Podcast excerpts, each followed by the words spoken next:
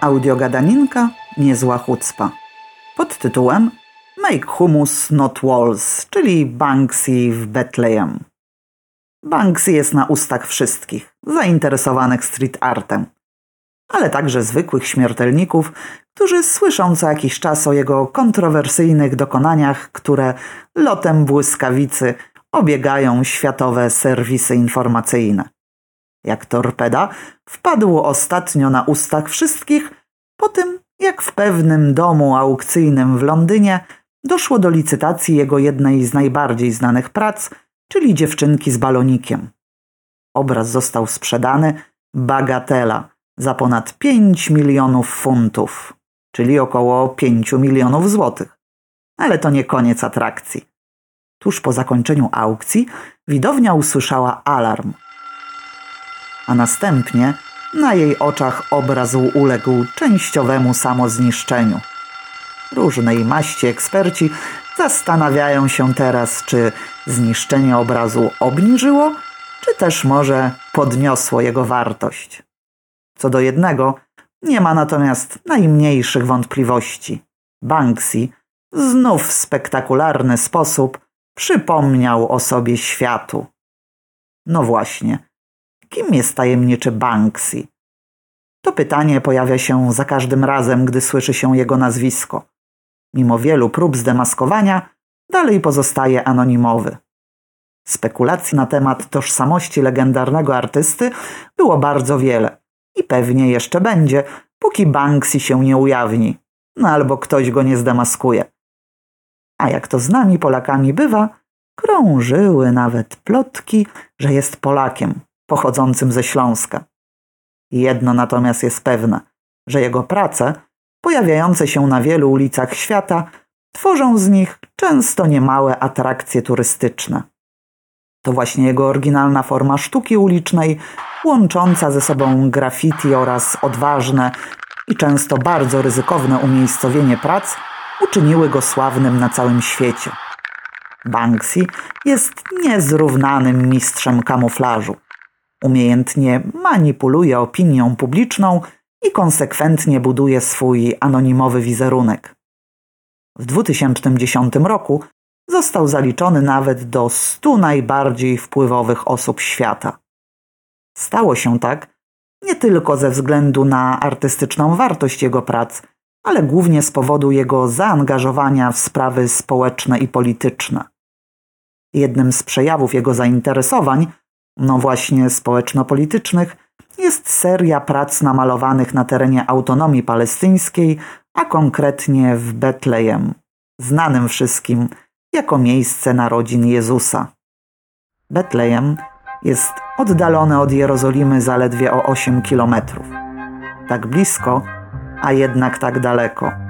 Oba miasta dzieli mur, który stał się areną, a właściwie artystycznym manifestem poglądów na temat konfliktu palestyńsko-izraelskiego.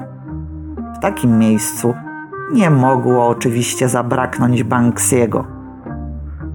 Do jego najsławniejszych, zaprezentowanych na murze prac, należy dziewczynka przeszukująca żołnierza, czy kultowy już gołąbek pokoju ubrany w kamizelkę kuloodporną. Seria graffiti na murze, oddzielający Izrael od autonomii, robi na pewno niesamowite wrażenie. Znajdziemy tu zarówno okna, które ukazują idylliczny świat za murem, jak i wizerunek dziewczynki przelatującej za mur na unoszących ją balonach, czy chłopca wspinającego się po drabinie. Zobaczymy również pokazany, oczywiście w niewybredny sposób, wizerunek Trumpa i wiele innych interesujących, a przede wszystkim skłaniających do refleksji murali. Co ciekawe, Banksy otworzył również w Bethlehem Hotel, znany jako hotel z najgorszym widokiem na świecie. Nazwa stanowi grę słów. Nawiązuje do muru oddzielającego autonomię palestyńską od Izraela, widocznego z okien lokalu. Budowa hotelu miała być swoistym performancem artystycznym, a hotel miał funkcjonować tylko przez rok. Tak się jednak wtopił w otoczenie, że stoi do dziś i stał się niewątpliwie jedną z większych atrakcji turystycznych miasta.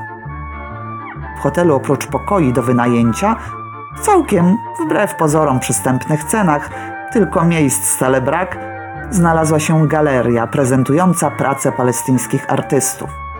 Przy wejściu przywita nasz szympan z Liberii jako zapowiedź czekających we wnętrzu osobliwych atrakcji.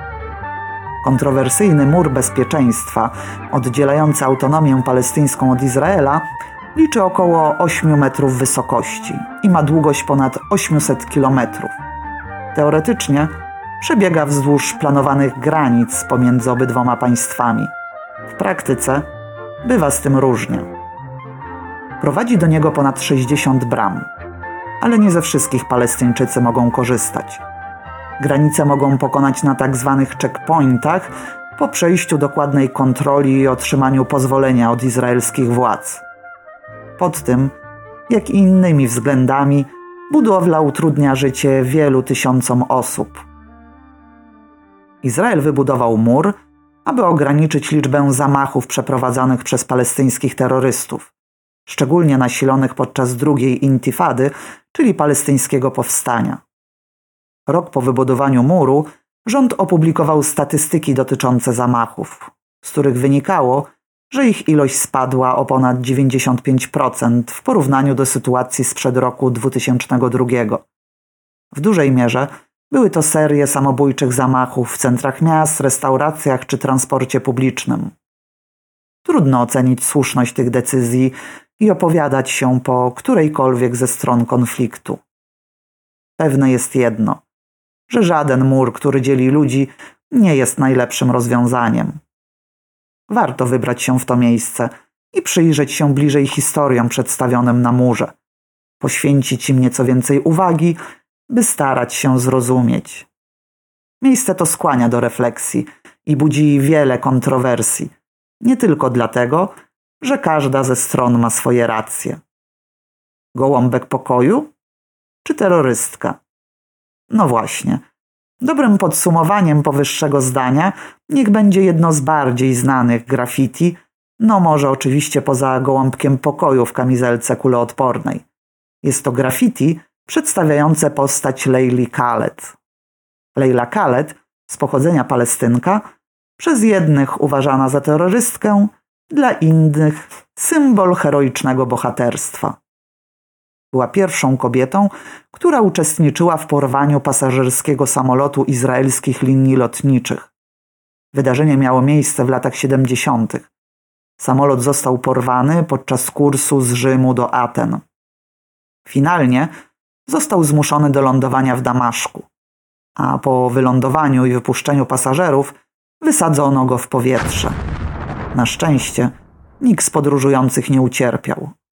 A w związku z porwaniem samolotu pewien fotograf wojenny zrobił zdjęcie Leili Khaled w mundurze koloru haki i palestyńskiej kefii, czyli huście wiązanej na głowie, dobrze nam zwanej Arafatce. I taki wizerunek Leili w Arafatce można zobaczyć na murze. Rok później podobno steroryzowała ona obsługę innego samolotu. A jedno z graffiti na murze bezpieczeństwa mówi też Make humus, not walls. I niech to pozostanie mottem dla wszystkich tych, którzy chcą stawiać między sobą mury. Zainteresowany? Znajdziesz nas na feelfreetraveler.pl Feel Free Izrael. To daraba. Słuchaj nas na YouTube, Spotify, Google Podcast i Apple Podcast. Shalom.